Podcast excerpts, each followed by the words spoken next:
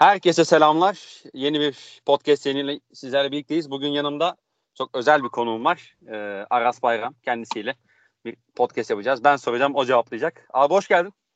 Hoş bulduk abicim de ne özelliğimi gördün Allah aşkına. Abi yani yapma lütfen. Lütfen. Neyse. En azından benim için diyeyim. Teşekkür ederim abicim sağ ol. Nasıl keyifler abi? İyi be. Ee, gidiyor götürüyoruz bir şekilde işte. Sen ne yapıyorsun? Nasıl keyfin? Ne yapayım abi? Keyifler Beşiktaş'a rağmen iyi. Biliyorsun biz bunu pazartesi akşam kaydediyoruz. Hatta pazartesi gece maçtan sonra. Beşiktaş'a rağmen iyi olmaya çalışıyoruz diyelim ya. eh, Galatasaray'ın da durum çok farklı değil ya. o zaman öpüşelim mi? öpüşelim. Her zaman öpüşelim. Tamam. Ee, abi kısaca senden bahsedebilir miyiz? Hani İzmir'de yaşadığını biliyorum. İşte Ankara'dasın şu anda devlet memurusun. Ee, şöyle kısaca bir toparlayabilir miyiz?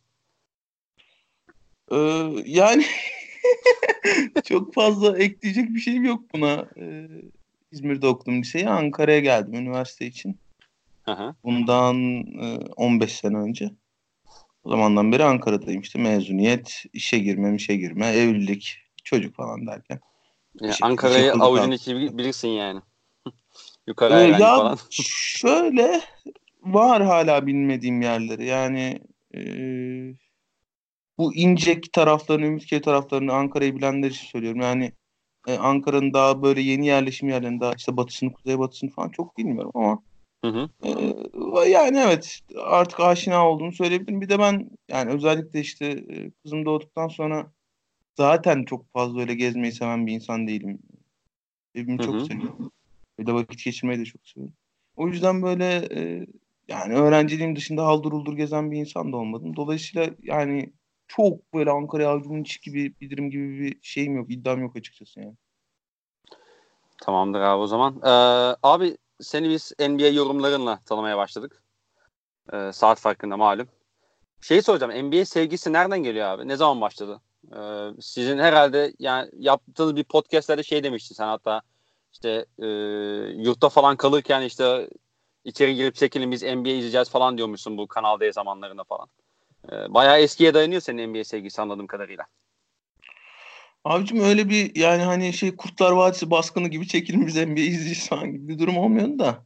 ee, yani basket sevgisi hani şu zaman başladı bu zaman oldu falan gibi böyle bir parmağımı koyamıyorum ama e, ta işte 90'lardan hani şeyde öyle ne, yani net olarak ilk izlediğim maçı falan hatırlamıyorum. Şeyi hatırlıyorum. O çok net bak mesela kafamda. Ee, Nedir abi? Şirkette çalışıyordu o zaman. E, mali müşavir benim babam. Arma diye bir şirketleri vardı. Orada Hı-hı. ilk kez internet böyle ilk kez internet görüyorum. Bir cumartesi sabah gitmiştik babamla. Babam işte e, arada bir götürdü beni işe. Sonrasında pizza yemeye giderdik. Fil Pizza diye bir pizzacı vardı. Belki hatırlayan vardır şeyde İzmir'de Atatürk Spor Salonu'nda. Oraya giderdik. E, ondan önce de işte bir işe uğrardık falan. Orada bir oralet moralet işlerdik. Orada ilk kez ya internet işte buraya işte istediğini yazabiliyorsun, istediğini girebiliyorsun. işte dünyanın bilgisi var, her şeye bakabiliyorsun bilmem. Seneyi falan da hatırlamıyorum açıkçası. Ee, ben oraya ilk yani NBA.com'a girmiştim. Benim hayatımda girdiğim ilk e, şey sitesi, internet sitesi NBA.com'dur yani. ee, böyle ilk kafamda hani aa şu maçı evet ben hatırlıyorum. En azından özetini izlediğimi çok net hatırladım maç e, Phoenix Bulls şey serisi, e, final serisi. 92 herhalde. Yok 93.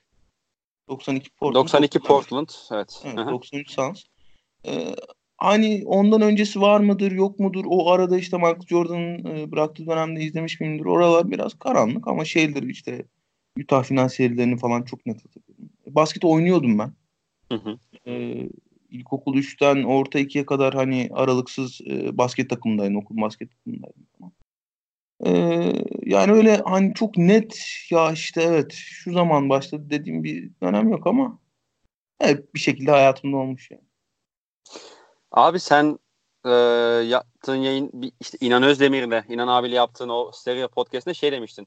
Ben oyunun alt metni olduğu için o oyunu çok seviyorum demiştin hatırlarsan. Hı hı. Ee, NBA'de takım tutmamanın sebebi de aslında bir oyuncuya ya da bir takıma değil de o oyuna aşık olman olabilir mi? Yoksa başka bir sebebi mi var? Ben ya boş yapıyorum. Ben de, ben de çok sorguladım. Şimdi yani bu kadar izlediğim bu arada yani şey hani yanlış anlaşılmasın atıyorum. Ee, bu gece mesela keşke olsa da izlesek. Ee, Bulls Thunder maçı var mesela. Hani ben taraf tutmadan izlemiyorum o maçı. Ha işte, tamam. Sevdiğim bir oyuncu oluyor ya da karşı tarafta sevmediğim bir oyuncu oluyor. Yani öyle hani inanılmaz pür bir basketbol aşkıyla izliyor değilim. Tabii ki Hı-hı. duygusal bir kontak kuruyorum izlediğim maçta. Ama hani ya şu takım tutuyorum dediğim bir takım yok NBA'de. Hani bunun sebebi şey midir? Oyuna olan aşkı mıdır? Hiç zannetmiyorum.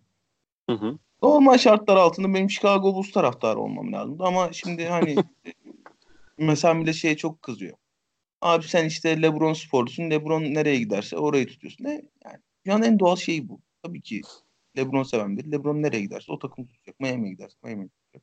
Cavs'e giderse Cavs tutacak. Lakers'a giderse Lakers e tabii. yani. Normalde işte yani Bulls taraftarı olmam beklenir işte. Michael Jordan izleyerek büyüdüğüm için ama ben Michael Jordan seviyordum. Seviyormuşum daha doğrusu. Bulls sevmiyormuşum yani. yani Michael Jordan Bulls bıraktıktan sonra hiç bir kere bile dönüp şeye ya bu Chicago Bulls ne yapıyor diye ekstradan dönüp bakmıştım. Yok. Ee, yani dediğim gibi hani mutlaka taraf tutarak izliyorum bir şekilde. Ama öyle tuttuğum bir takım yok sadece. Senin Westbrook'u sevdiğini de tahmin ediyorum abi. Yani çek net böyle bir tweetini falan hatırlamıyorum da bayağı Westbrook'la alakalı olumlu düşündüğünü düşünüyorum. Bilmiyorum yanlış mıyım? Sen Doğru kaçırmışsın. Ee, ben e, Twitter'ın bir numaralı Russell Westbrook hayranıydım. Öyle mi? Evet tabii. İşte iki Ama numara yani, diyelim benden sonra. Evet.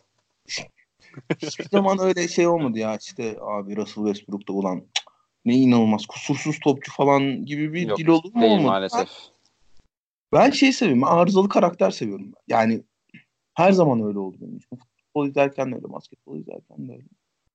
Ee, yani işte Chris Paul sevgim de ondandır, Draymond Green sevgim de ondandır, DeMarcus Cousins sevgim de ondandır. Ben böyle işte e, gideyim, işimi yapayım, hayatıma devam edeyim topçular tamam yani onlar tabii ki çok özel adamlar. Yani o, o mental seviyeye ulaşmak da e, farklı bir beceri gerektiriyor ama hani Russell Westbrook'un deliliği pür deliliği e, beni çok çok çok etkilediği için şu anda evet NBA'den sevdiğim topçulardan biri. Esas sen nasıl okey standart tutmaya başladın onu bir söylesene bana. Abi bu çok geçmişe dayanmıyor aslında. Bu 2016'da işte bizim e, okul işleri biraz daha sektörü ben çalışmaya başlayınca orada şey dedim ya bu Türkiye Ligi'ni falan izleyecek bir dişlik paketi falan yok mu diye böyle bir araştırayım dedim. Orada şeyi buldum. E, dişlik Play'i buldum. District Play'de de o zamanlar TV8 yayınlıyordu abi maçları, playoff'ları. İşte ben de böyle Mart evet Mart e, Nisan gibi almıştım aboneliği. İşte o kısa bir süre sonra da işte Spurs OKC serisi işte şu saatte TV8'de falan filan. Orada izlemeye başladım biraz daha. O zamana kadar NBA pek takip etmezdim. İzledim böyle OKC izliyorum işte çok acayip keyifli takım işte dikine inanılmaz çabuk iniyorlar rakip potaya inanılmaz savunma yapıyorlar boğuyorlar rakibi Westbrook sa- saçmalıyor ama saçmalarken acayip hayran bırakıyor kendi falan. Bir de o şeydeki hani Chesapeake Energy Arena'daki o atmosferi ben seviyordum o zamanlarda. Öyle tutmaya başladık. Bir de o zaman Twitter'a da yeni girmiştim. İşte Golden State işte 73-9 yaptı şöyle böyle. OKC 4 maç sonra Paçavra'ya çevirdi tabii. İyice aşık oluyorsun ondan sonra. Bir de onun üstüne Durant de gidince 3-1 seriyi kaybettikten sonra iyice artık tamam hani ben bu takımlıyım oldum yani. Geçmiş olsun abicim ne diyeyim ki ya. Abi, geçmiş olsun da seviyoruz ya. işte tabii Westbrook gitti biraz üzüldük ama e, kabul etmemiz gereken bir ayrılık oldu. Yapmamız gerekiyordu. Ben öyle düşünüyorum. Paul George Westbrook. Bozmak lazımdı yani. İki taraf için de iyi oldu ya. İki taraf Westbrook ve OKC için mi yoksa Houston Westbrook, için mi diyorsun? Westbrook ve OKC için. tamam. E, gerekiyordu ya şey olmayacaktı belli yani. yani Paul George'u gönderdikten sonra şunu ve artı Westbrook e, yine ilk en fazla yapacağın ilk turda elenmek olacaktı. Bu takım onu yapmak için çok pahalı bir takım yani. Bence de katılıyorum. Onun dışında um, ne konuşabiliriz abi şey sen uzun zamandır NBA izliyorsun. NBA'in geldiği ve gittiği noktadan memnun musun? Yani geçmiş dönemde çok daha fazla izolasyon ve post oyunları üzerinden gidiyordu. Şimdi çok daha fazla 3 sayı ve tempo üzerinden gidiyor. Sen şu, yani o romantik tayfadan mısın? Yani olan Kobe'li dönemi çok özlüyorum falan tayfalan mısın yoksa şu anki oyun daha çok, çok e, zevk veriyor sana? Ya benim kafamda hani basketbolun nasıl oynanması yani nasıl oynanması gerektiğine dair değil tabii ki ama ne tür basketboldan keyif aldığıma dair elbette bir şey var yani vizyon var. Hani ben daha çok pasa dayalı, daha çok işte e, harekete dayalı hücum sistemlerini izlemeyi her zaman tercih ediyorum ama hani NBA dönüşürken NBA'in o dönüşümüne bakmak, o dönüşümünü görmek, o dönüşümünü yorumlamak hı hı. bence daha keyifli. O yüzden daha önceki oyuna dair bir şeyim yok. Ee, böyle bir retrospektif bakıp da aa ulan e, keşke öyle oynansa oyun dediğim bir durum hiç olmadı. Ama şunu özlüyorum ben yani benim üniversite zamanım işte NBA TV vardı o zaman. E, NTV'de Cuma ve Cumartesi gecesi ya da işte Pazar gecesi üç geceden birine iki tane maç NTV ve NTV Spor'da. Onun dışında NBA TV'de işte her gece bir maç. Hani ben de e, sabah okula gitmezdim. Otururdum gece NBA maçı izlerdim ki o zamanlar şey bile hani interneti bile böyle çok delicesine kullanabileceğimiz bir durum yoktu. Bazen şeye bile ulaşamıyorduk. NBA TV'de o gece hangi maç olduğuna bile ulaşamıyorduk. Ben NBA TV'nin başına geçiyordum sabahtan. İşte e, akşamki maçın şeyi reklamı çıkardı saat şeyde 15-20'de. Eminim hatırlayan olur. Saat 15-20'de şey çıkardı. NBA TV'de o gece hangi maçın yayınlanacağı söylenirdi falan. E, onu beklerdim yani. O şeyi özlüyorum ben sadece. İşte hani ne bileyim geçim derdimin olmadığı, derse gitme derdimin olmadığı, sorumluluğun olmadığı ve tamamen basketbol izleyebildiğim o dönemi özlüyorum. Bu NBA'in gittiği ya da geldiği noktayla alakalı değil. Ben şey falan hiç anlamıyorum mesela. Golden State Warriors basketbolu öldü. Basketbol ölecek bir şey değil ama yani e, basketbol meta olduğu için o sürekli değişecek, sürekli dönüşecek. Yani e, işte ömrümüzün verirse 3 kere 4 kere daha bu tür majör değişiklikler göreceğim diye tahmin ediyorum. Hani benim izlemeye başladığım dönemden şu ana kadar da 2-3 tane ayrı şey geçirdi. Devrim geçirdi özellikle NBA'de.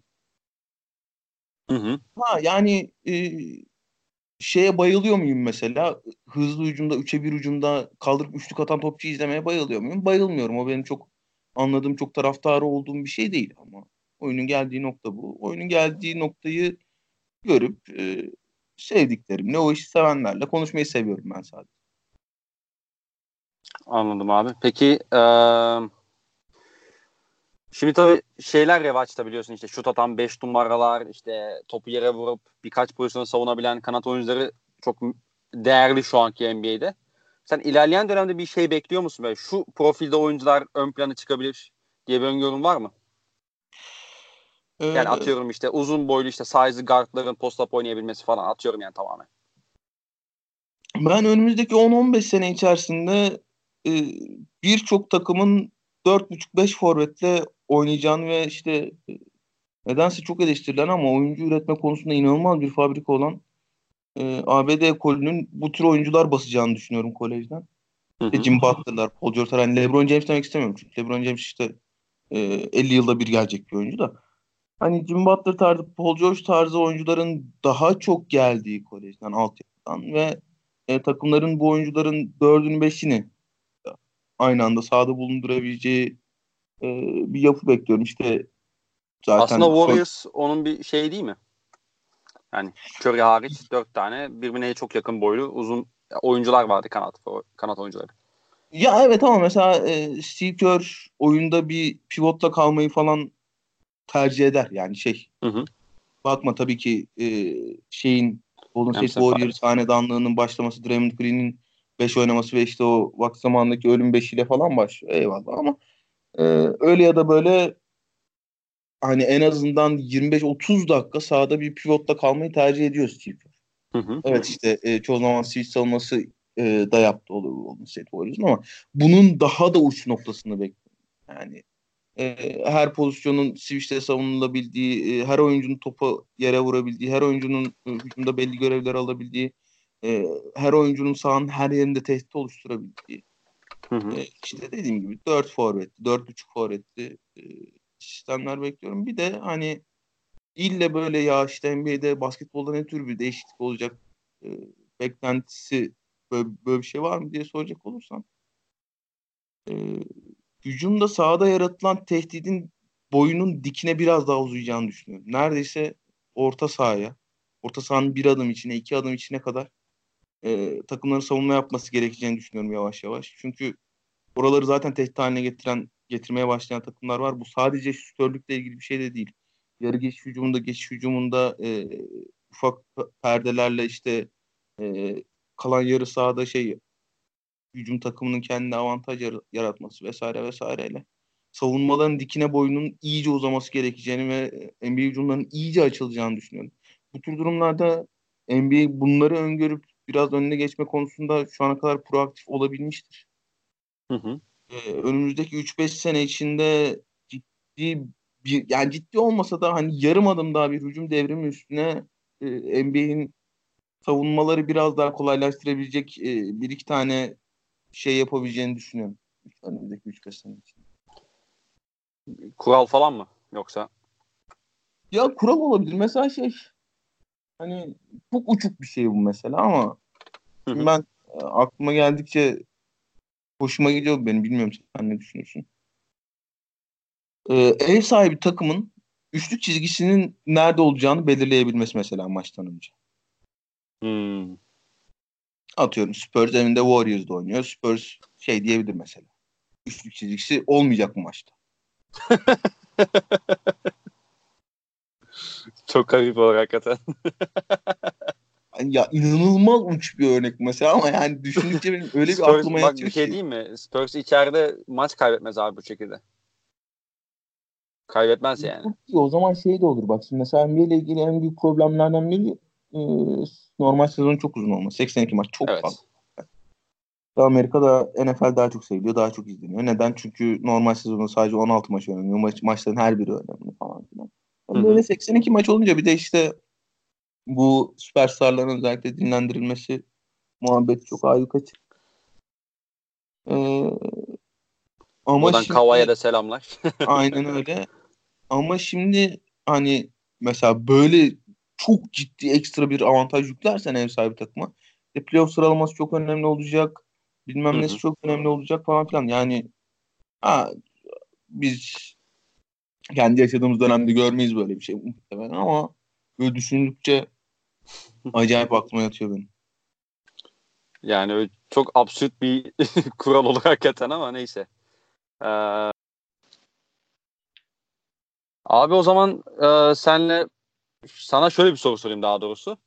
Şimdi e, az önce sen şeyden bahsettin ya işte topu dolaştıran işte topsuz hareketlik üzerine oynayan takımlar beni çok etkiliyor tarzında bir cümle kurmuştun galiba. E, geçmiş dönemde oy, olup da seni çok etkileyen takımlar hangileriydi abi? Hani War, o Warriors'ı bir kenara bırakıyorum. Ya şey e, hani 2014 Spurs tabii ki. Aa, tabii evet. İlk akla gelen takım. Ama ya bugün mesela böyle alakasız bir konuyla ilgili o, o takım geldi aklıma. Ha şey e, saat farkında işte 2010'ları konuşacağız e, önümüzdeki iki hafta.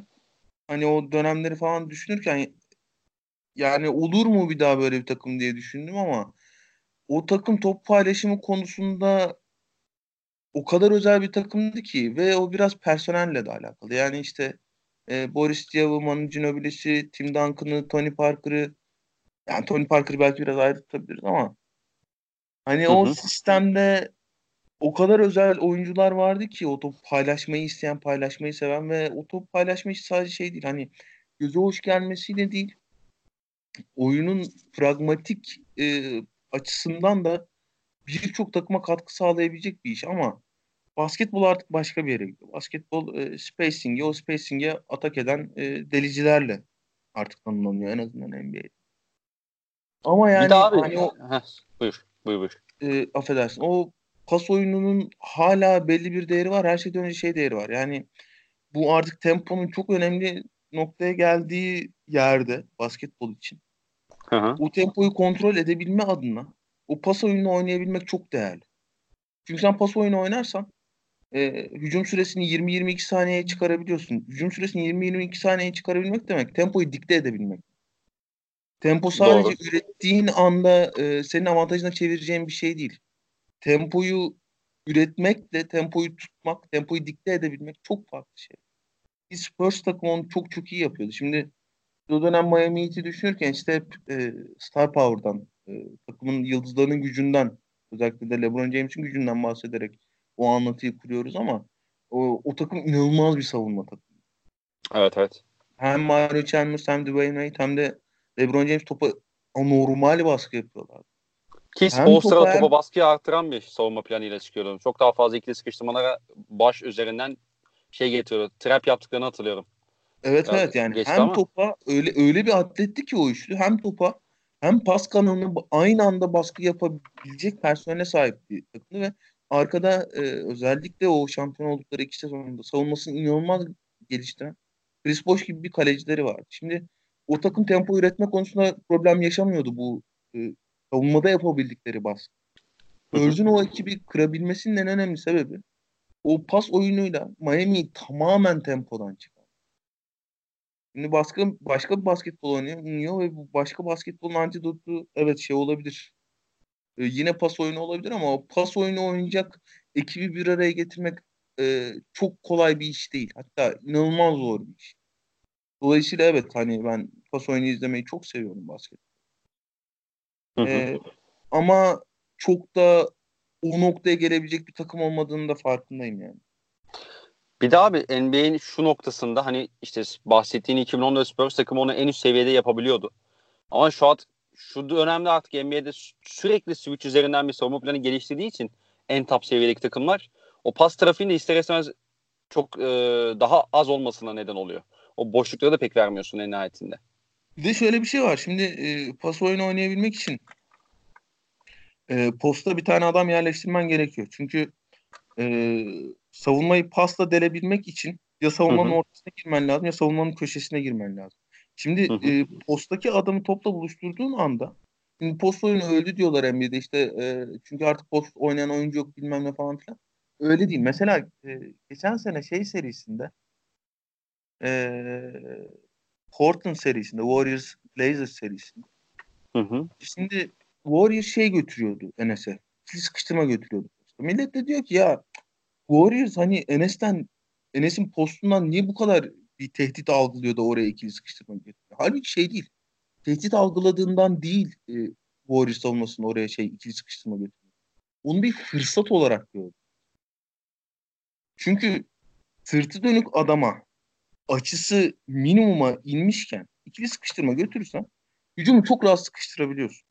Dolayısıyla pas oyunu oynamak da eskisi kadar kolay değil. Çünkü posta top indirdiğin anda NBA takımları onu bir tehdit olarak algılamıyor, fırsat olarak algılıyorlar. Fırsat olarak algılayınca da e, oraya yaptığın baskıyla birçok hücumu sıkıştırabiliyorsun. Dolayısıyla yani gelinen noktada da pas oyununun artık öyle çok kolay oynanamayacağının da farkındayım. Ha bunu e, delebilen oyuncular var ama onların da çoğunun e, bu pasta delme işini tepeden yaptığını görüyoruz.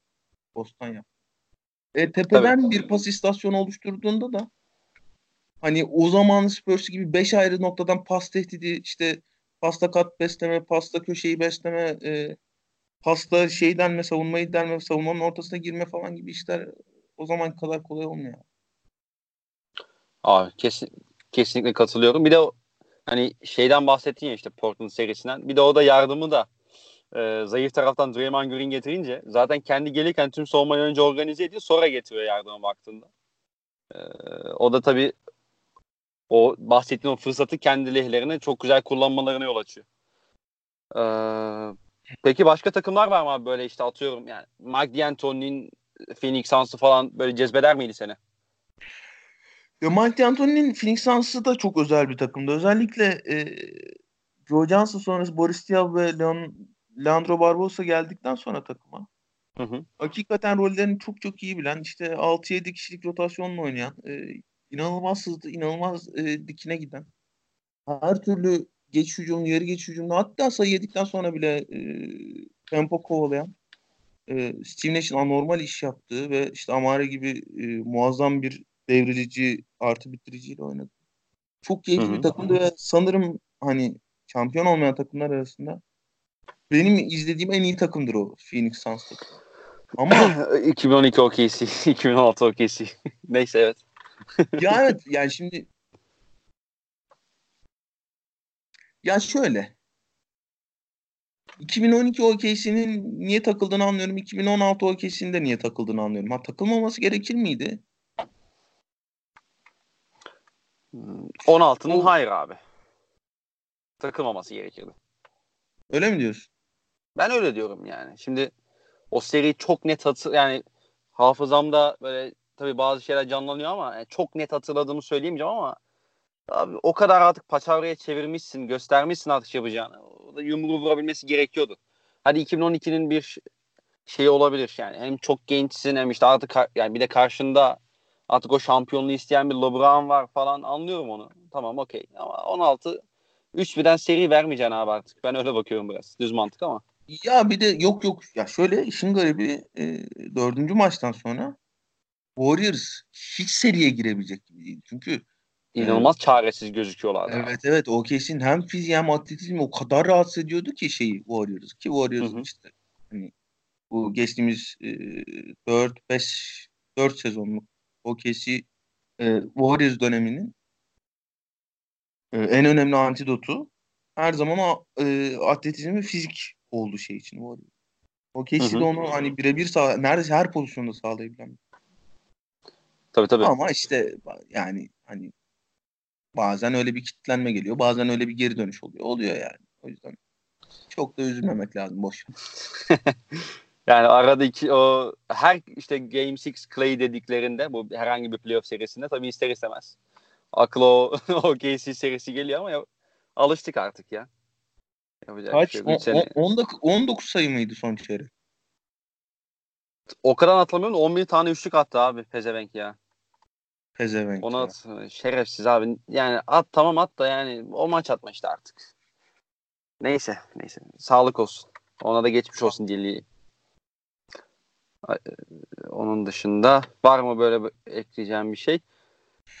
Ya işte şey var hani 2000'lerin e, başındaki Sacramento takım var. O takım da e, Rick Edelman. Neredeyse işte şey Mike Bibby, Doug Christie, Peja Stojakovic, evet, evet. Vlade Divac işte Hidayet Türkoğlu geliyor. Onun o ben geçen da... şeyini buldum abi. Efendim? Ee, öz, şey sözünü kestim ama ben Esat... o geçen işte 2002 e, Lakers o meşhur serinin 5-6 maçını bulabildim YouTube'da ve oturdum izledim 4 tanesini 5 tanesini. Hakikaten çok keyifli takımlarmış ya. Ve çok yazık olmuş tabii. ya evet o e, özellikle ya 5. ya 6. maçta çok ciddi hani hakem problemleri de olan bir seri o. 6. 6 ve 7. maçlar bayağı sıkıntılıydı galiba. Ee, o takım da işte genelde neredeyse 4-4,5 tane şeyle pas istasyonuyla kalırdı sahada. Hani çok pas, pasa dayalı bir takım değildi Sacramento Kings ama izlemesi çok keyifli takımdı. Hem Chris Webber e, olağanüstü pasördür. Hem Vlade Divac olağanüstü. O takımı izlemek evet, keyifliydi. Ee, onun dışında da şu anda öyle çat diye aklıma gelen bir takım olmadı açıkçası. Peki abi geçmişten devam ediyoruz. Şey dedin oğlum ya keşke işte 15 sene önce oynayan ama keşke şu dönemde oynasaydı dediğin böyle aklına gelen isimler var mı? Mesela Chris Webber bence bu dönemde çok fark, çok özel bir oyuncu olabilir ki. O zaman hani MVP falan oldu ama bu sezon çok bu dönemde çok daha değerli olabilir diye düşünüyorum. Ya o o soruya benim hemen dilimin ucunda bir cevap var. Mehmet Okur. Ha tabii. yani Mehmet Okur çok özel bir NBA kariyeri geçirdi. İşte All-Star oldu. E, hani Utah döneminde işte Krilenko'yla şeyin herhalde Boozer'ın da aynı anda sakatlandığı bir sezon vardı. O sene inanılmaz bir çıkış yaşadı ki All-Star oldu son senedir o tahmin ediyorum. Ama yani 2007 şey, olması lazım değil mi? Evet. Hı hı. Zamanın çok ötesinde bir basketbolcuydu e, Mehmet Okur. Oyuncu kartında yazan şeyler işte herif ne? Hem çok iyi çember savunur hem de işte üçlük üçlük tehdidi vardı. Hakikaten çok iyi. Evet evet. Şu anda oynasa çok çok çok değerli bir parça oldu. Yani o zaman da değerli bir parçaydı. Şu anda olsa NBA'in en el üstünde tutulan parçalarından biri olurdu. Dolayısıyla böyle çat diye aklıma gelen e, bu soru geldiği anda ilk isim Mehmet Okur her zaman. Peki abi o zaman biraz tekrar buralara dönelim mi bu dönemlere? Dönelim dönelim. 2019-2020 sezonunda tabii çok enteresan ikililer oluştu. İşte tabii ki en başta e, Westbrook, James Harden gibi, Kawhi Leonard, Paul George gibi. Onun dışında Shea Gilgis Alexander, Chris Paul gibi çok değerli süperstar ikilileri oluştu biliyorsun. Ee, sen bu sene oluşan dengeden memnun musun? Ve seni en çok heyecanlandıran birliktelik hangisi oldu abi? Bu süperstarlardan.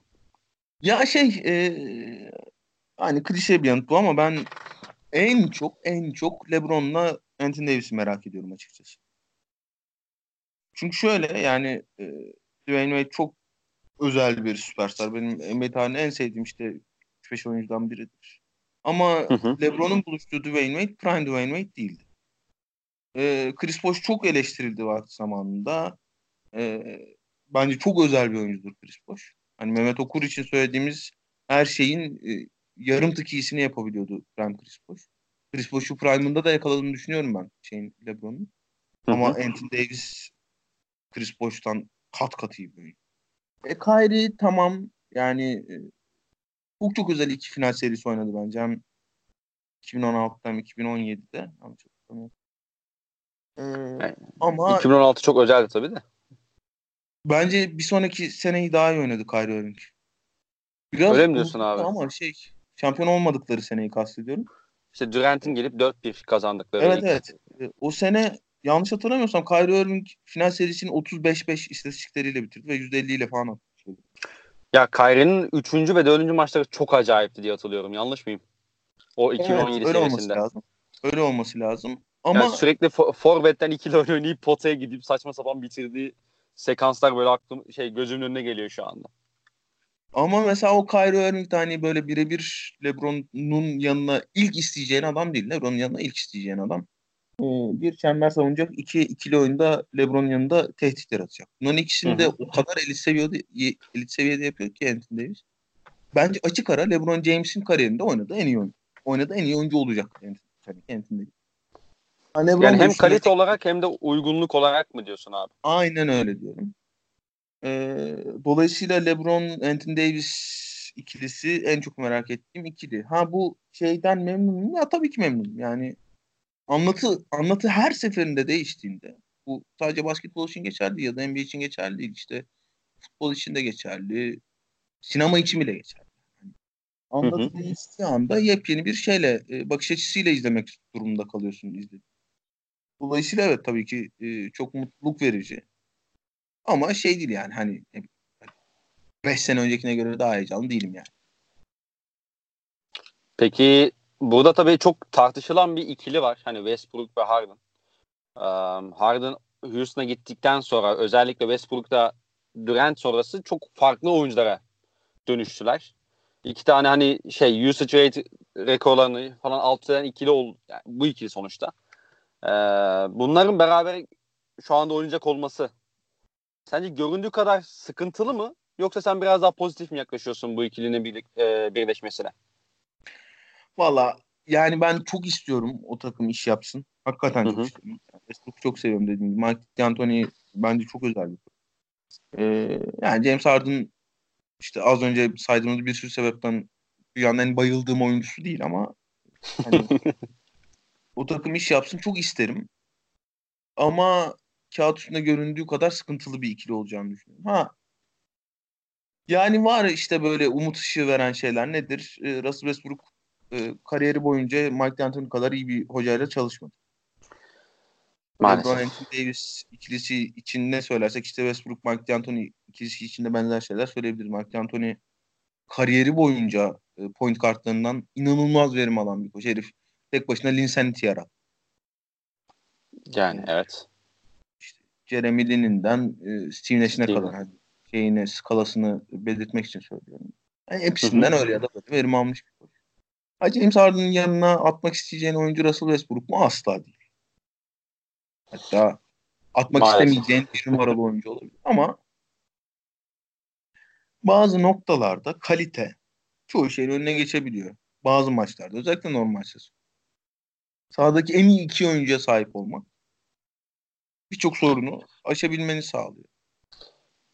Ee, Katılıyorum abi. Tabanı çok yüksek bu takımın o yüzden ama tavanı da aynı sebepten biraz alçak gibi geliyor. Peki abi bu takımın tavanını yukarıya çıkartma şansı var mı ya da varsa sence ne? Yani aklına gelen bir şey var mı?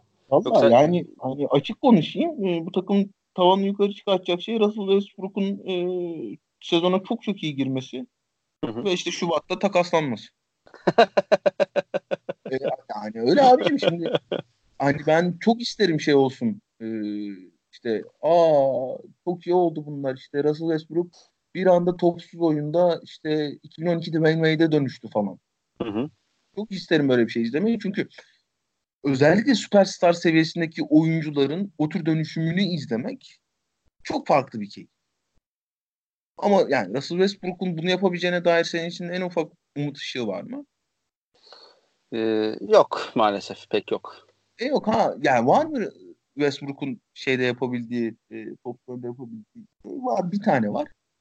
Westbrook bu baseline'e koyarsa Hı hı. tepede de başka bir e, oyun yönlendiriciye topu emanet edersen Westbrook Hı hı. inanılmaz bir hücum rebound tehdidi olur.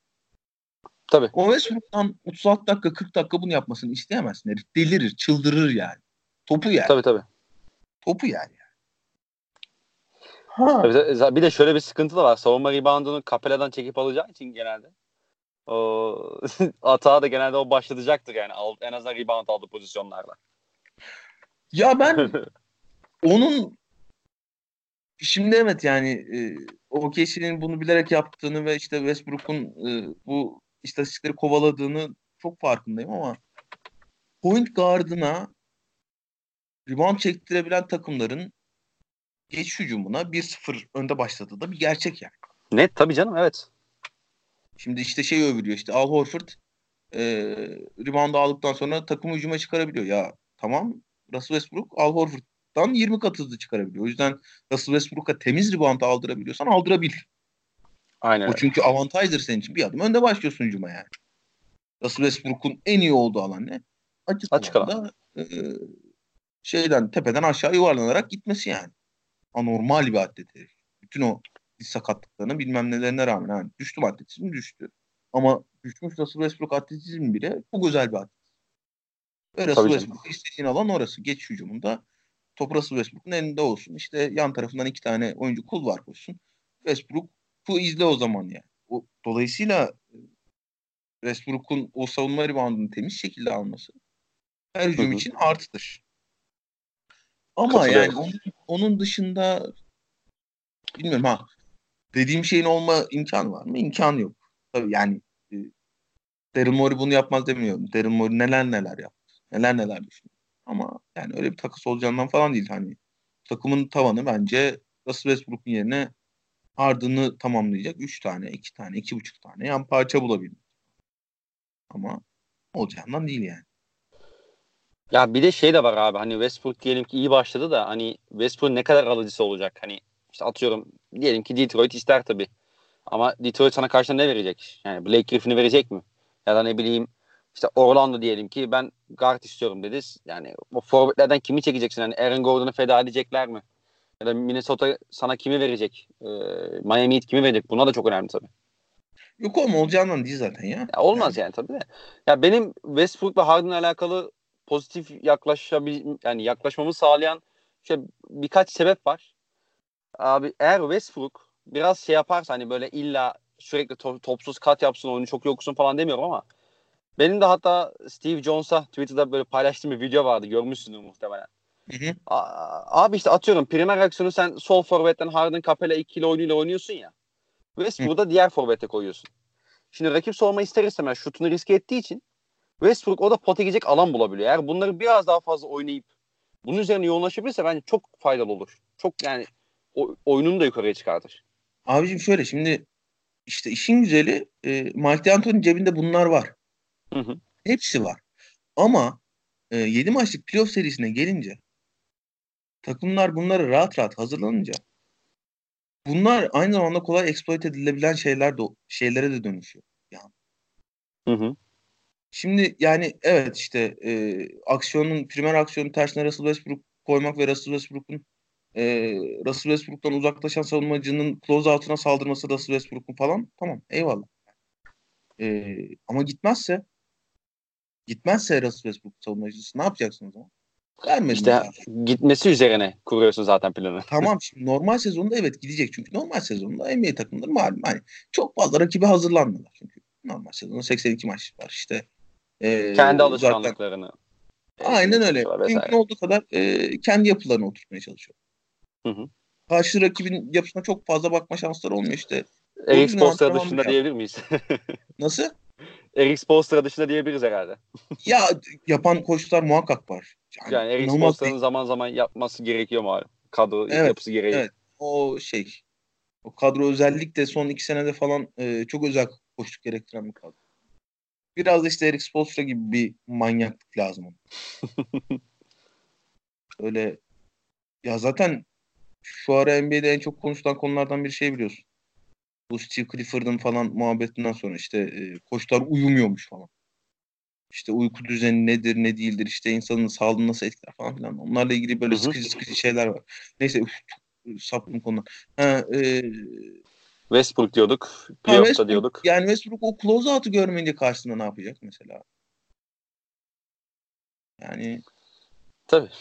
ki görmeyecek muhtemelen playoff'ta. Doğru. Ya şöyle bir detay vereyim. Bu tabii çok böyle hani kesin bundan sonra da böyle gidecek demiyorum ama işte Westbrook geçen sezon başında bir e, dizilen operasyon geçirdi hatırlıyorsundur. Sezonun hatta ilk 4 yok ilk iki maçını kaçırdı. E, Warriors ve Clippers maçlarını. Ondan sonra Westbrook bayağı kötü şut attı hatırlıyorsun yani. Hı hı. Spot at, ya catch şutları da çok kötü atıyor. Dribbling zaten felaket. E, ama şey All-Star arasından itibaren hatta buna Portland serisine katarsak Westbrook'un özellikle catch and shoot üçlüklerde bayağı yüzdeli attığını gördük abi. Yani ben kendimle bakmıştım. Mesela All-Star arasından sezon sonuna kadar normal sezonda %37.7 olması gerekiyor. Bir de Portland serisinde %39.1'di. Catch and shoot'larda. Şimdi bunları devam ettirebilecek mi onu göreceğiz tabii. Devam ettirebilirse çok birçok kanal açabilir diye düşünüyorum ben. Valla ben e, Ben çok iyimserim onun farkındayım hani Westbrook'a ama biraz ben da olmasını yani istediğim şutta belki. bile hani to- totali kastetmiyorum. Sadece geçen şutta bile %35'in üstünde koyacağını düşünüyorum. Ben de valla şöyle konuştum ama hani Westbrook olduğu için çok bir şey yapamıyorsun elbette. Ay, peki e, abi şampiyonluk adayın kim? Net böyle bir numaralı adayın var mı? Ya bütün e, sağlık problemlerini e, eşitlediğimizi düşünüyorum. Hani hiç, hiç kimsenin sağlık problemi yaşamayacağını düşünüyorum. Öyle Hı hı. olmuyor NBA sezonları genelde ama Maalesef. e, benim şampiyonluk adayım Clippers ya. Peki onların böyle e, ufak minik zaaflarına baktığında onların en başına ağrıtacak takım sence kim? Lakers.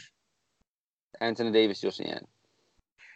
Ya evet yani hani e, Bu arada Öyle- Batı Doğu bir arada söylüyorum. Hani finalde şu takım çok çok ters gelebilir. ben de ben de bir arada söylüyorum.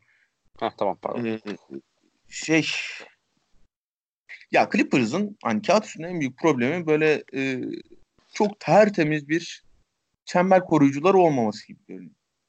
Aynı zamanda hani eşleşme bazlı bakacak olursak ikinci problem de özellikle işte atıyorum Utah serisi ne olur, Denver serisi ne olur, Portland serisi ne olur, Warriors serisi ne olur falan filan gibi düşündüğümüzde böyle en ciddi eşleşme problemini yaratacak oyuncu da e, Anthony Davis olur gibi.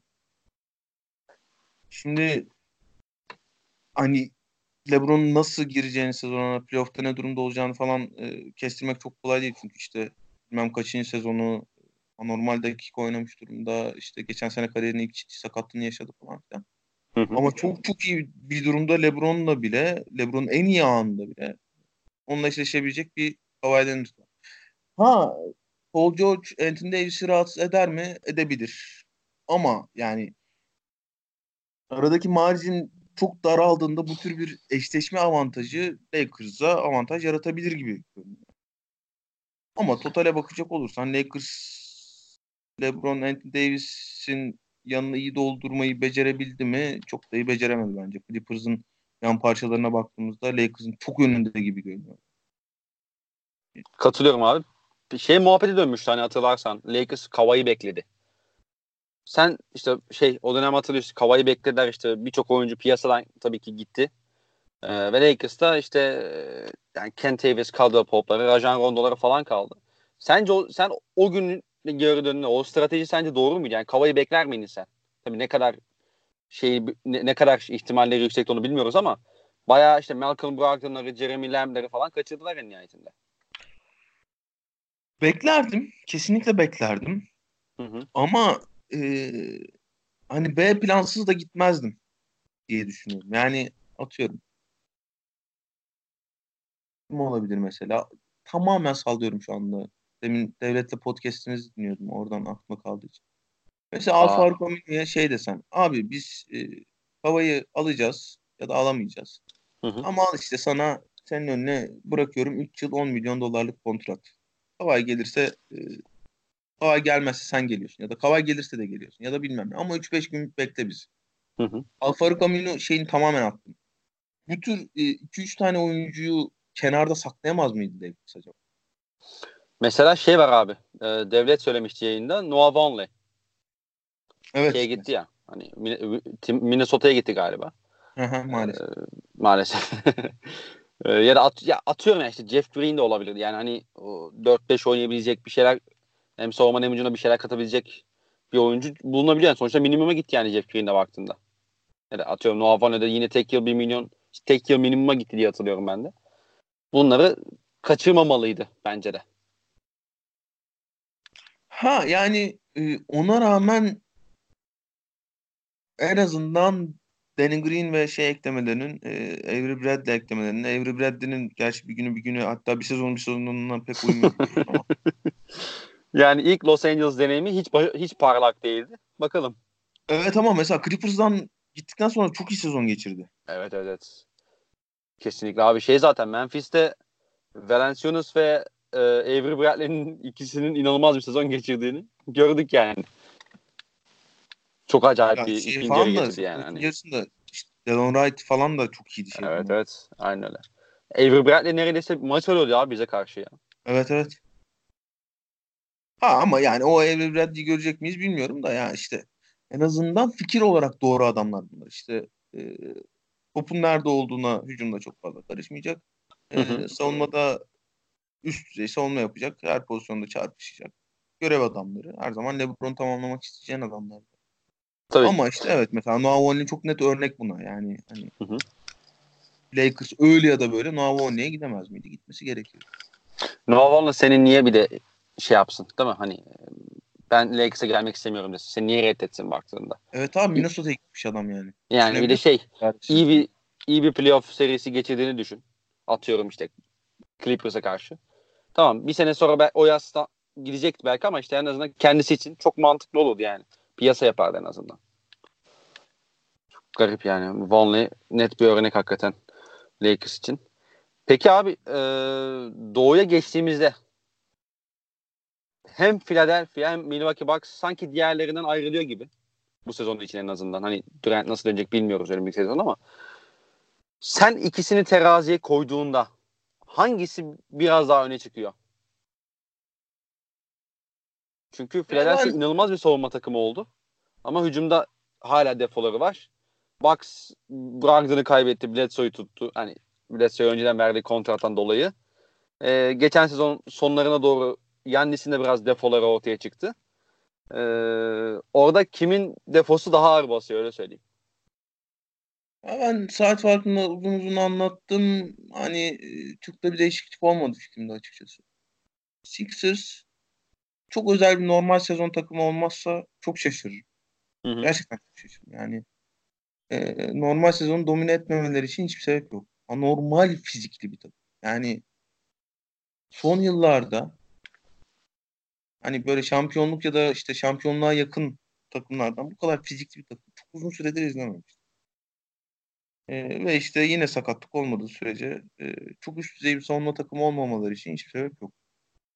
Hı hı. Ama ne kadar iyi bir normal sezon takımı olurlarsa o kadar da iyi, o kadar da sorunlu bir playoff takımı olacaklarını düşünüyorum. Şimdi geçtiğimiz sezon playoff'ta işte e, Toronto'yu zorladıklarında hatta Toronto serisinden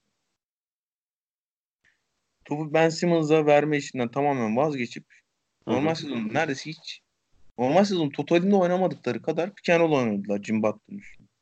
Evet. Ve hücum tamamen Jim Butler'a yıktılar ve doğrusu da buydu. Ki özellikle son çeyreklerde bunu çok daha fazla yapıyorlardı. Evet. Aynen öyle çünkü. E, oyun sıkıştığında, oyun yavaşladığında her zaman öyle ya da böyle topu o adama emanet edip tepeden pick and oynuyor. Her, her NBA takımı oynuyor. Hala oynuyor. Hı hı, doğru. E şimdi Jimmy Butler yok. Topu emanet edeceğin adam Ben Simmons gibi görünüyor şu yapıda. Hı hı. Ve yani e, o hücumun eli Ben Simmons'ın eline bakacaksa yani çok sorunlu bir takım olduğunu düşünüyorum. Bir daha bir şöyle bir durum var. Brett Brown işte ilk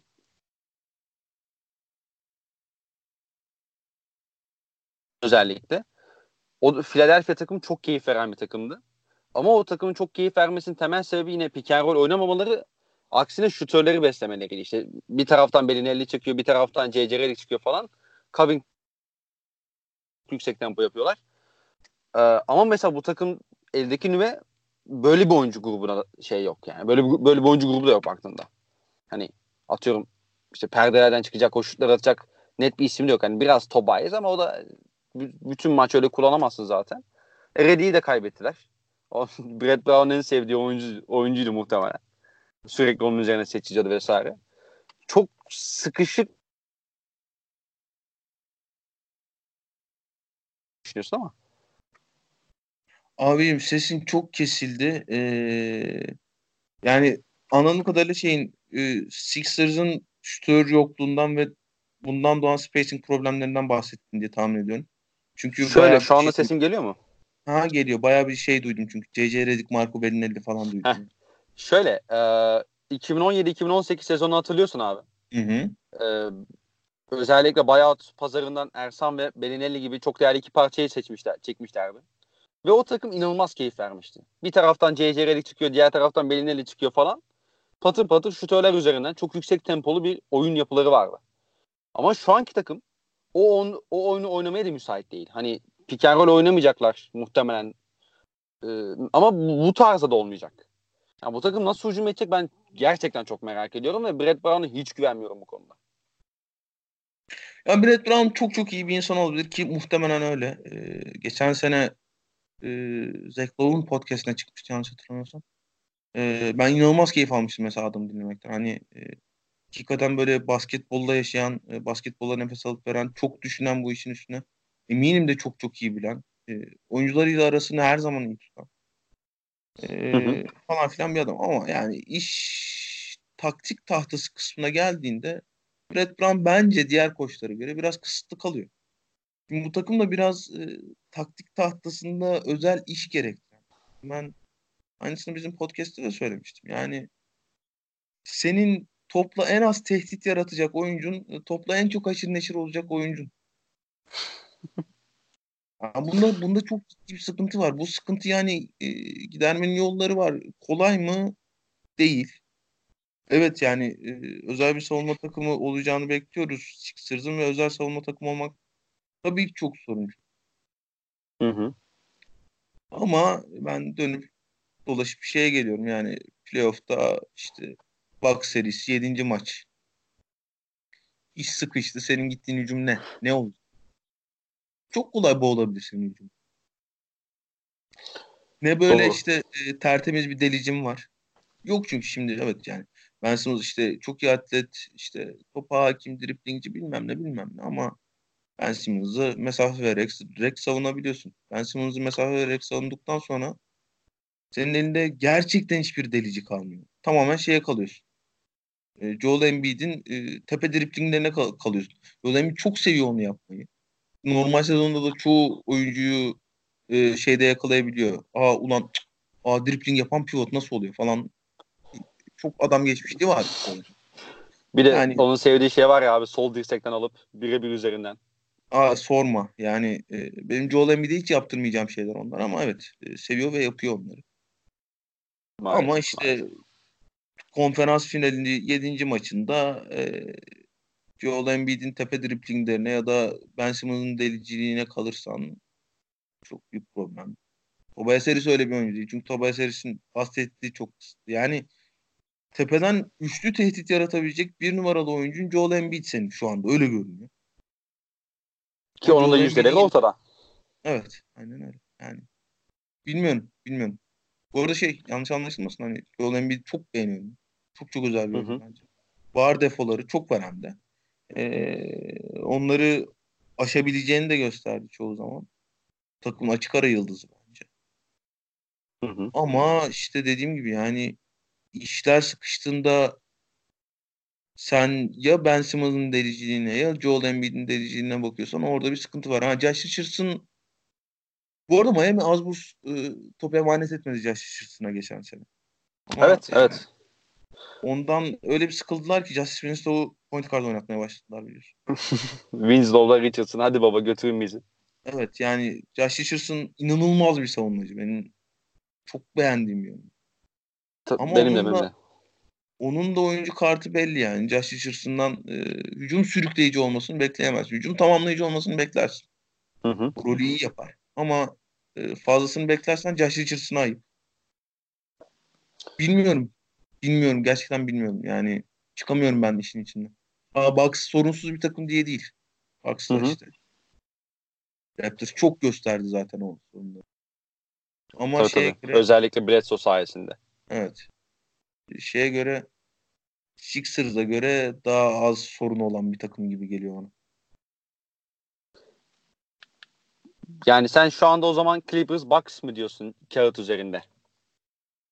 2020 NBA finaline. Ya kafama silah dayayıp 2020 NBA finalinde hangi iki takım oynar diye sorarsan evet Clippers Bucks derim. yani demek istemem. Bu topa girmek istemem ama ille, ille soracaksın. Yok hani. Sen ne diyorsun? Vallahi abi OKC'miz maalesef final yapamayacağı için. O yüzden ee, ya işi şey bir yana ben de ya Clippers diyorum abi batıya. Çok net. Doğuda da Bucks diyesim var. Ama ya Bucks'ın da hücumu çok problemli abi ya. İnanılmaz problemli. Yani şeyi hatırlıyoruz mesela geçen sene e, özellikle normal sezonda bir maçta şey yapmıştı Brett Brown. Embiid savunuyordu yani. Hatırlıyor musun? Tabii tabii.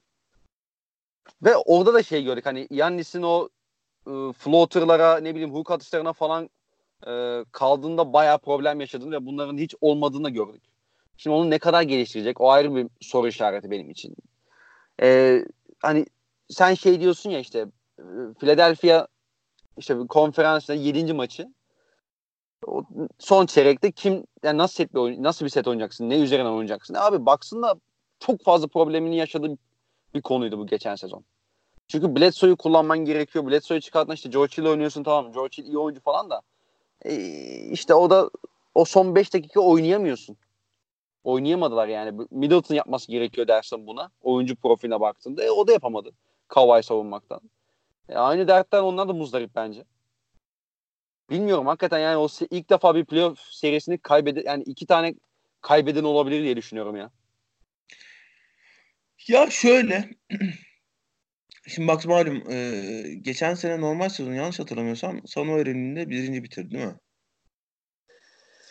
Galiba evet abi. E, bu sene de çok farklı olmalarını beklemiyoruz. Ha, bıraktın kötü bir savunmacı değil ama e, hani totale baktığımızda bak savunmasının geçen seneki seviyede kalabileceğini düşünürüz herhalde. Şimdi olur, Sixers'ın evet. savunması evet muhtemelen daha iyi olacak. Ama Hı-hı.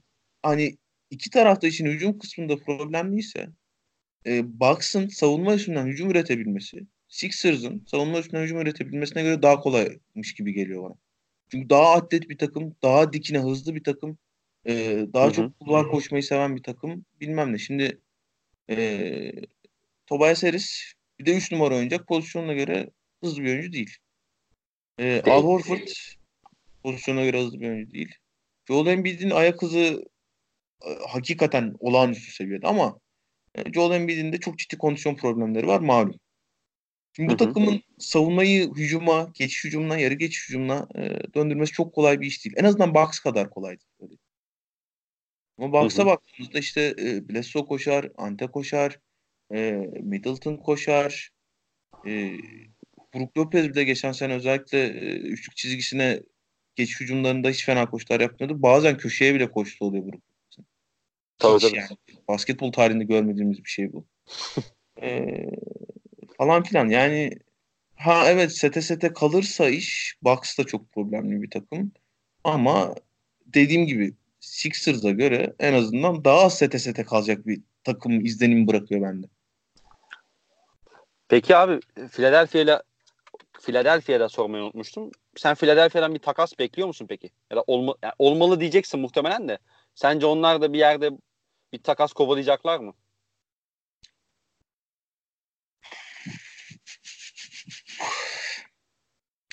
Ya da çok mu aldanacaklar normal sezondaki müthiş başlangıcı? Hani iyi başlarlarsa diyelim. Ya şimdi takas kovalayacaklar mı sorusunun alt metni şu değil mi? Ben Simmons'ı takaslarlar mı? tabii tabii. Did you mean? Yani evet çünkü e, Tobias serisinin o kontratına çok fazla yaklaşan olmaz. Al Horford da hakeza. Embiid'i takaslamazlar. Bu soru E, Jack Richardson'ın kontratı da iyi. E, evet. Ben Simmons ya şimdi kontrat yenilediler onunla malum. Öyle bir Hı hı. topun altına girdikten sonra e, takas yoluna gideceklerini pek düşünmüyorum ben. Ha takaslamalılar mı? Yani ta geçen sene söylüyordum bunu takaslamaları gerekiyor diye. Hı hı. Ben Anthony Davis topuna girmemelerine ciddi çok şaşırdım. Ben olsam Peki abi Ben Simmons e, merkezli bir paket yeter miydi? Şey ikna etmeye. Ne diyorsun yani Pelicans'a? kaç pik verdi Lakers? Of. Ya 3 ya 4 abi. Bir de iki tane de swap hakkı mı ne vardı galiba. Yani e, yeterdi gibi geliyor bana. Şöyle 3 bildiğim kadarıyla bir takım diğer takıma herhangi bir takasla maksimum 3 tane e, first round piki verebiliyor. Kendi pikinden. İşte OKC biliyorsun Miami'nin piklerini falan da almıştı. Öyle 5 olmuştu. O yüzden 3'tür diye düşünüyorum ben. Yani e, hani 3 pik artı Brandon Ingram, Lonzo Ball yerine 3 pik artı Ben Simmons tercih etmez miydin mesela? Ederdim herhalde ya. herhalde ederdim evet. Her Ya- ne kadar Zion'la çok uyum, uymasalar da birbirlerini sete sette özellikle ama o takım izle, o takım izlemesi inanılmaz keyifli olurdu bu arada. Açık alanda. Ya bilmiyorum ben hani en, en azından denerdim yani. En azından denerdim öyle. Gitme bayağı yani Philadelphia hiç hiç girmemiş değil mi o topa? Yok yok hiç öyle bir haber düşmedi. Sıfır. O da enteresan olmuş hakikaten. Abi peki şey soracağım sana. Biraz böyle birkaç tane daha sorun var. Ondan sonra kapatırız istersen. Ee, abi elinde imkan var. Tamam mı? Geçmişte gidebiliyorsun. Hangi NBA maçını salonda izlemek isterdin? Çok iyi soru ya şey. Benim bir tane net cevabım var da muhtemelen sen de okey dersin ona. 98 finalleri 6. maç var tabii. Michael Jordan'ın buz formasıyla son maçı var. Ben onu demeyecektim. Ben benim Evet. diyeceğim 2013 6. maçı. 2013 6. maçı da olur ama üzülürdüm. Ee, çok istiyordum Spurs'un o şeyi kazanmasını. O finali Finali. kazanmasını. Hı hı. Ee, ya buna üzüleceksin ama şey 2016 normal sezon Thunder Warriors maçı var. L L L duymuyorum seni admin. La la la. Ya çok o kadar çok var ki yani İnanılmaz maç bu arada o da bahsettiğin ya. çok e, e, benim izlediğim en iyi şey normal sezon maçlarından biridir o ya. Net net. Çok özel maç. Kobe'nin 81 attığı maç olabilir. Kobe'nin belki son maçı olabilir. Bilemiyorum. Kimin son maçı? Kobe. Hayatımda izlediğim en şaklaban maçı o. Hiç Evet. istemem Tabii tabii. ya. Gerçi, gerçi Lakers'ta olmadığı için yani Lakers'lar için daha farklı bir anlam taşıyordu ona. Ve ben çok severim Kobe'yi de şey o yani hani basketbol anlamda çok böyle anlamsız. Tabii, tabii canım. Ön, ba- baba son maçın at, atabildiğin kadar, istediğin kadar dene maçıydı. 50 50 denemesi vardı değil mi maçta? 50 denemede Evet ya. 22 isabet 60 sayı falan öyle bir şeydi galiba. Ha aynen öyle. Ee, şey Kobe'nin iki tane e, buzzer beater attığı Suns serisi olabilir. 2006 mıydı? 2006'ydı herhalde. Ya of, o Aa. kadar çok var ki. Ben bir de hiç NBA maçı izleme şansım olmadı henüz e, salonda. Benim de olmadı abi. Bakalım Paris'e geliyorlar ama gidemiyorum. Gidebilecek Niye miyim? gidemiyorsun lan? Nasıl niye gidemiyorum abi? Bilet ayarlayabilecek miyiz bakalım işte. Paris'e Bucks gelecek 2020 Ocak ayında. Bakalım başvurduk ama inşallah bize de bilet düşer oradan. Öyle söyleyeyim. Hadi inşallah. Şey ya böyle şey falan işte e, Chicago Bulls Phoenix Suns maçı falan olsa giderim şu an yani o yüzden. Çok seçici olamıyorum bu konuda. Yok yok tabii ben de. Ee, yani şey izle, Chicago Bulls bu arada fena, tatlı takım olacaklar ya onlar bir iki seneye. Bozmazlarsa diyeyim. Ama Ya şey onlar geldi aklıma. Yoksa tabii Cavs Suns demeliydim buna da. Ee, orada da milli gururumuz Cedi Osman. Neyse. Neyse siyasi yazmayacağım bir şey. İyi topa girmeyeceğim ona.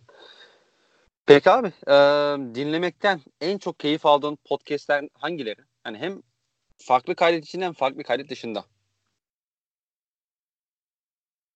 Ben kendi şunu fark ettim. Bu son 2-3 senedir yaşadığım bir şey.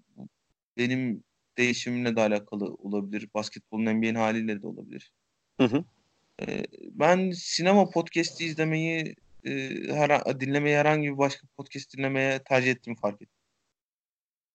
Ee, çok var ama şey hani belki inanılmaz sinema sevenler için işte bu işin okulunu okuyanlar için falan filan hani çok doyurucu bir podcast olmayabilir ama muhabbetleri çok hoşuma gittiği için Ringer'ın e, Rewatchables podcast'ini çok seviyorum ben sinema podcast işte.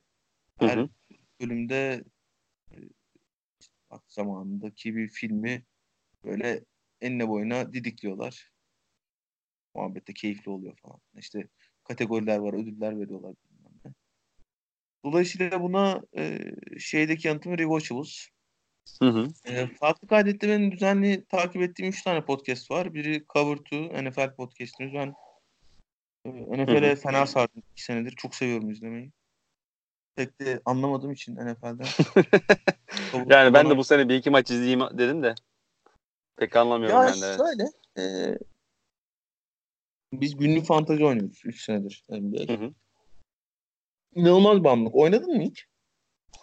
Abi ben bir oynamaya kalkıştım. Hiç anlamamıştım. Öyle kaldı zamanında ama şimdi yani biraz daha şey hani oynamadım da biliyorum yani 3 aşağı 5 yukarı bu işte Premier Lig Fantasy Ligi'nden falan da ee, öğrendik işte bazı detaylarını. Devlet sağ olsun.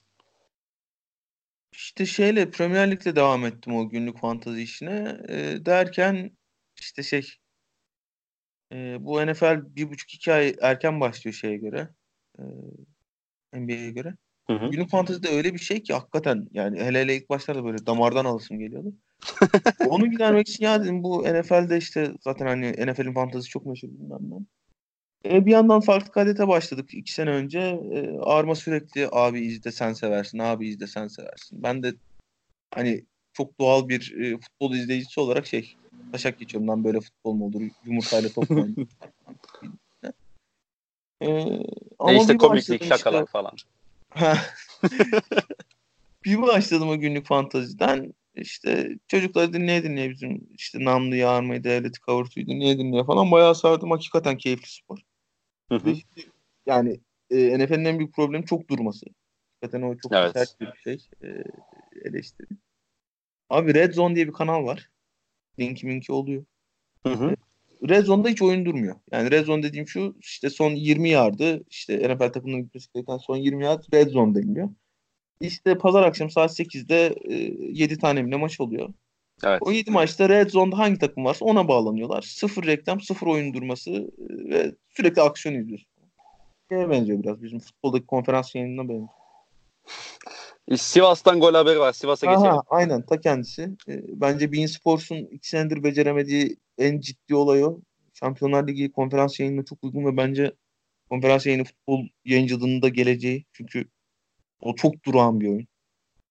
Hele hele bizim lig- oğlum ya bu niyeyse hiç konuşulmuyordu. Abi bizim hakemler düdük çalmayı o kadar seviyorlar ki. o kadar seviyor. Oğlum yani artık faul izlemekten geçen Galatasaray'ın maçıydı Allah aşkına ya. Kayseri maçı. O 3 Kayseri maçı- Kayseri 8 kişi kaldı falan. Son Ha, dakikadan büyük Kayseri maçının ilk yarısında top 15 dakika falan oyunda kaldı muhtemelen. Faul taç, faul taç, faul taç, faul taç, faul taç. Galatasaray'ın e, inanılmaz bir şeyi vardır. Geleneği vardır. Bu 15 senedir falan süren bir gelenek. Abi ben bu kadar taç atamayan bir takım. Yani bir takım nasıl taç atamaz lan? Elinle önündeki adama top atacaksın Allah aşkına ya. Sana Yok, daha yok. acısını söyleyeyim mi abi? Söyle lütfen. Bir Bu takım acıyı paylaşmaya ihtiyacım var çünkü. bak bir takım birden fazla maçta neden iki tane gol yer taçtan ya? O hakikaten Beşiktaş'ımız enteresan Yani. bir fenomen. Ya. Yani Galatasaray maçı geçen sene iki tane taştan gol yiyorsun. Bu sene Gazişehir maçı yine iki tane taştan gol yiyorsun. Ya abi ebenizin şeyi artık yani. Millet taç spesiyalisti tutuyor hani böyle odaklanmayı e, şey yani o taç pozisyonlarında odaklansın insana oyuncular pozisyonlarını alsın diye. Topu daha çabuk kazanmak için biz şampiyonluk maçında taçtan iki tane gol yediğimiz için şampiyonluğu kaybettik ya. Ve devam ediyoruz yani yemeğe. bu ülkede futbol izlemek, futbol takımı tutmak falan deli kişi de işte. Ben bayağı şey yaptım bayağı saldım ya bu arada. iki sezondur. Beşiktaş dışında pek maç izlemiyorum ligde. Ben Beşiktaş'ta kaç... hiç izlemiyorum. Hiç izlemiyorum. Yıllardır ben izlemiyorum. yıllardır. O iyiymiş abi. Ben geçen sezon başlayabildim ona. Yoksa izlerdim yani Galatasaray, Fener, Beşiktaş. İşte diğer tarafta City City Liverpool oynuyor mesela. Yok abi Galatasaray ne bileyim işte Sivasspor maçını izleyeceğim. Niye? İşte Galatasaray'ın puan kaybetmesi istiyorsun falan filan. Öyle bir manyaklıktı. Şimdi Allah'tan onu saldık biraz. Biraz da Beşiktaş'ımız da sağ olsun kendine küstürmeye devam ediyor. Ben şey Öyle. çok hazırım ya. E, Galatasaray'ın sezonu e, böyle erken bitsin de işte rahat rahat NBA'ye odaklanayım. Premier Lig'e oda- odaklanayım falan. Olur, olur yani bozmaz beni. 3 sene önce öyleydi mesela. Öyle mi? Evet. Tabii. Biz de hazırız yani Beşiktaş'ta. en kötüsünü hastadık kendimizi. Oğlum ne konuşuyorduk? Sen ne sordun bana ya? Dinlemekten en çok keyif aldığım podcast. Ha e, evet. E, farklı kaydet. E, Cover to 1 e, çekme kaset dinliyorum. Hı hı. E, Çetin abinin yaptı. Çetin Cem Yılmaz'ın. İşte iki haftada bir falan yaklaşık. O zamanın popüler kültür konularını konuşuyor. İşte e, yarım saat 45 dakikada tertemiz. Tek başına solo podcast. Hı hı. Onu seviyorum. Bir de izlediğim filmle ilgili ise ilgili bir şey varsa. Mesela şimdi en son film ekimi podcast yaptılar. Onu dinleyemedim çünkü. Film ekimi Ankara'ya bile gelmiyormuş bu sene. Ee, şey yapmayayım, kıskanmayayım diye dinlemedim ama yaşasın bazı filmleri dinliyorum. Ama onun dışında böyle e, şey dinliyorum tabii ki bu arada. Popüler Avrupa'yı dinliyorum. Şey dinlemiyorum. STSL'yi dinlemiyorum. Maç izlemediğim için de. Hı hı. Ee, onları dinliyorum. Podcast dinlememeye çalışıyorum mümkün olduğu kadar. Çok seviyorum e, hem Kaan abi hem o, o, e, ama şey biz de NBA podcast yaptığımız için bir de Kaan abi inanılmaz ikna edici bir adam. Ee, etkilenmek çok kolay Kaan abiden. Hani Öyle. ben farklı bir şey söyleyebileyim bizim programda diye mümkün olduğu kadar dinlememeye çalışıyorum. Ama podcast tabii ki çok büyük bir efsane yani. Tabii. Ee, yani onun dışında işte herkesin bildiği e, işte Ingram'lar, Jack Lowe falan. Zach Lowe'lar, bilmem ne falan o NBA podcastlerini dinliyorum. Peki abi siz şimdi tabii farklı kaydet olarak çok hani başarılısınız onu sö- söylememe gerek yok zaten de.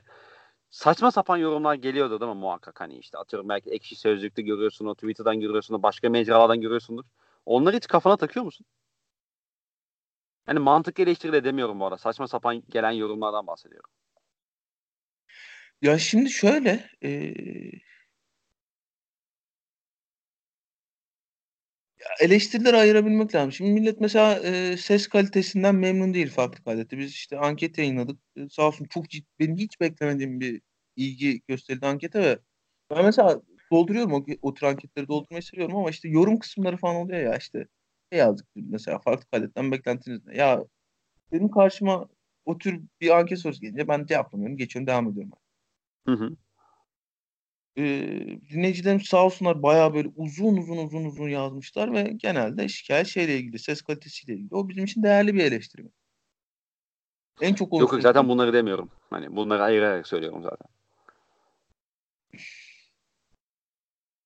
Abicim şey mesela geçen bir şey oldu. Ekşi ne o? Ekşi şeyler mi? Ekşi Sözlüğün makale yayınladığı, yazı yayınladığı sitenin ismi. Ekşi şeylerde Ee, görmüşsündür hatırlıyorsunuz. hı hı. Belki sene önce, belki 6 ay önce. İşte e, din- dinlenmesi gereken podcastler mi? Öyle bir şey. Ya biz orada olmak zorunda değiliz. Orada yer almak zorunda değiliz. Ama yani hani e, ya ne olur podcast'i buraya kadar dinleyen kimse yanlış anlamasın bunu. E, biz totalde, total, total olarak e, Türkiye'nin en çok dinlenen podcast'a ait. Dolayısıyla Hı hı.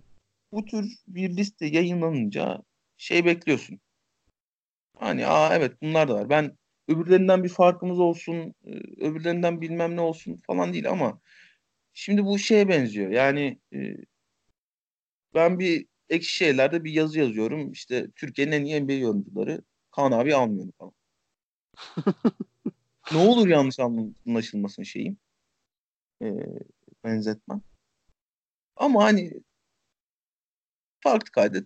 Sağ olsun dinleyicilerimiz çok çok sahiplenildi hakikaten ve dinlenilen bir platform. Yani sen oraya 15 tane podcast yazıyorsun, farklı kaydet yazıyorsun. Peki canın sağ olsun. Tamam sen onu yazmıyorsan benim de bunu e, Twitter'a ya hani bunda bir gariplik yok mu diye bir yazma hakkım var değil mi? Tabii ki. Tabii ki. Ben bunu yazdım. E, de, Devo sağ olsun bizim devlet e, sürekli bakar oralara falan. Severim Abi buraları. işte şey Ekşi'de oraların topçusundur, oraların topçusudur. Abi işte Ekşi'de senle ilgili yazılan şeyi gördün mü? Ya dedim hani ben mümkün olduğu kadar bakmamaya çalışıyorum. Hı hı. O günden beri bakmıyorum bak mesela. Ee, yazıyı yazan arkadaş benim Twitter'da attığım tweet'i görmüş. Ben adamın ne. Twitter'ını bilirim, ne adını bilirim, ne ismini bilirim, ne cismini bilirim. Benim Twitter'da yazdığım şeye ekşi sözlükte benim başlığımın altına şey yazarak cevap vermiş. Bu arkadaş demek ki reklamının yapılmasını istiyor. E şimdi sen o yazıyı birilerinin reklamını yapmak için mi yazdın o zaman?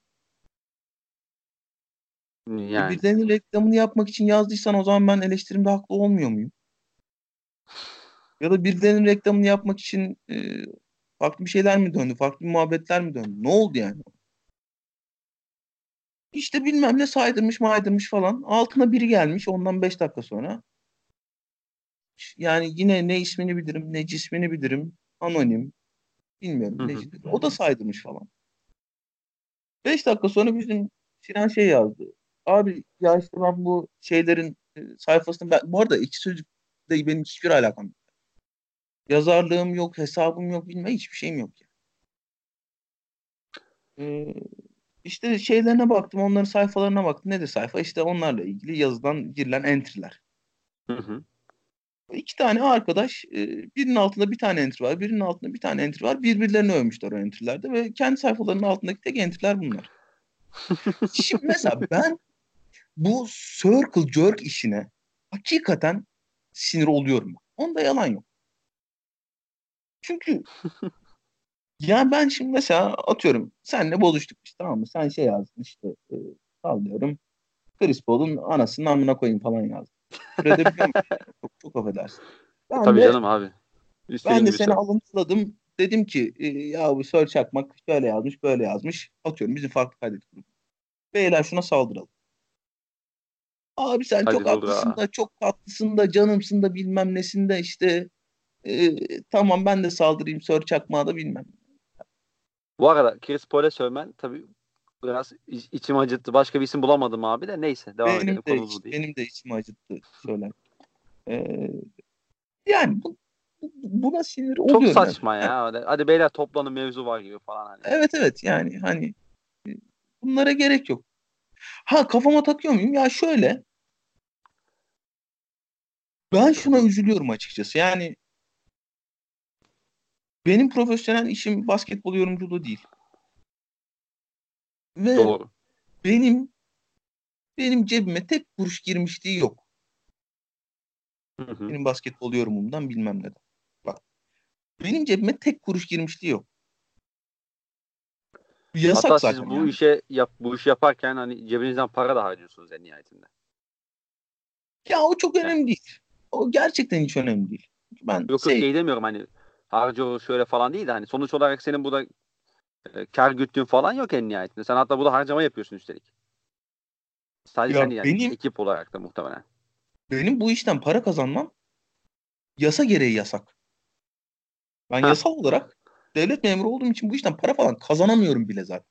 Benim profesyonel işim değil bu. Hı hı. Dolayısıyla ya e, işte atıyorum Russell Westbrook çok iyi oyuncu yazıyorum. Herif anlatılıyor. Ya işte seni sikeyim de sen, sen de basketbol yorumcusu diye geçiniyorsun bilmem. Vallahi geçinmiyorum ya basketbol yorumcusun diye.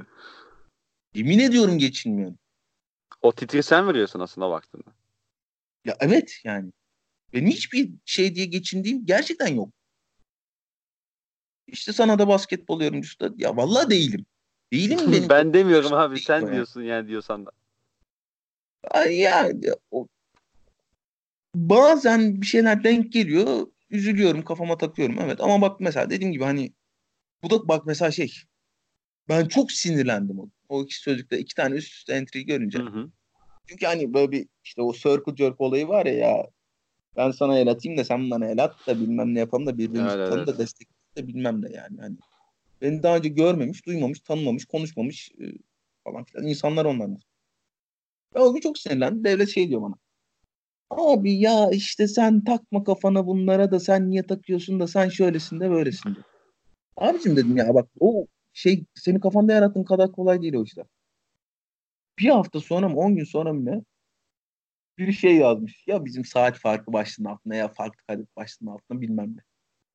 Ee, işte şu saat farkını devlet kararı çıkarmayın bilmem ne yapıyor bilmiyor işte sadece Nix biliyor işte Nix yapıyor istemiyoruz falan.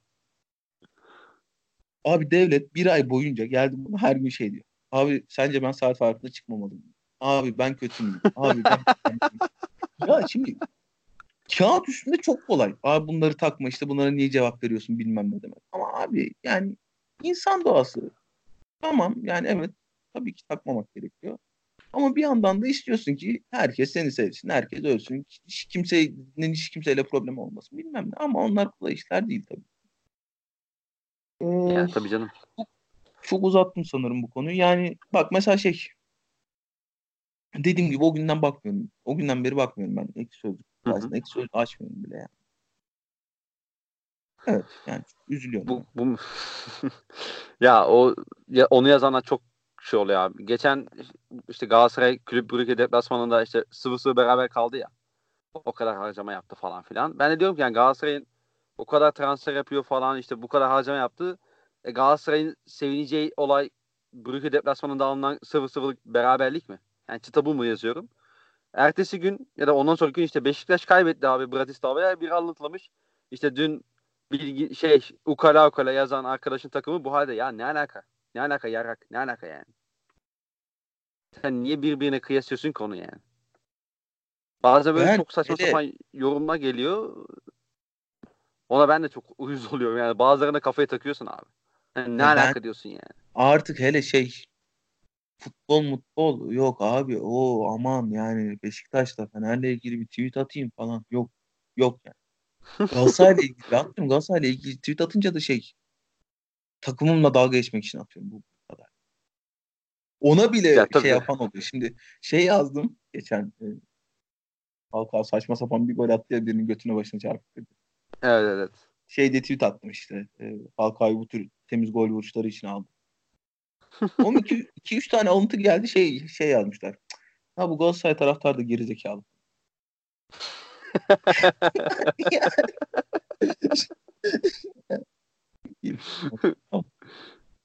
Yani o da bir gerizekalı var da o gerizekalının kim olduğu bilmiyorum. ya yok es, estağfurullah. Da Estağfurullah. abi yok bazıları var ama yani abi. Çok açık, çok barizden yazıyorsun. Mesela benim de çok başıma geliyor. İronik tweetler atmayı seviyorum ben. Biliyorsun belki görmüşsündür. Böyle devletlerle falan yaptığımız muhabbetlerde de. Çok şey oluyor. Alta gelen yorum şey ya da alıntılıyor adam biri. Şey ciddiye almış falan abi ya bizi bir salın ya. Hakikaten öyle oluyor. Artık beni bir salın artık oluyorum. Öyle. Ee, abi ağzına sağlık. Çok teşekkür ederim. Yayına geldiğin için. estağfurullah. Teşekkür ederim. Ee, peki eklemek istediğim bir şey var mı abi? Yayına dair. Ee, yok. işte hani e, bilmeyen bayağı vardır diye tahmin ediyorum. Farklı kaydette biz ben iki tane arkadaşımla NBA podcast yapıyorum. Ee, Reklamlar. ha, aynen. Bir, bir podcast Yok buyur abi şaka yapıyorum buyur. İşte futboldur, baskettir, bisiklettir, tenistir, gezidir, mimarlık, sinema her şey var. Ee, öyle bir uğrayın isterim. Onun dışında bu fırsat için de sana çok teşekkür ediyorum abicim. Ben çok keyif aldım. Estağfurullah abi. Ne demek. Ara ara yapmak niyetinde, yani temennisinde yayının sonunda söyleyelim. Ee, dinleyen herkese teşekkür ederim. Ee, bu yayının da sonuna geldik. Herkese mutlu günler. Görüşürüz. Görüşürüz.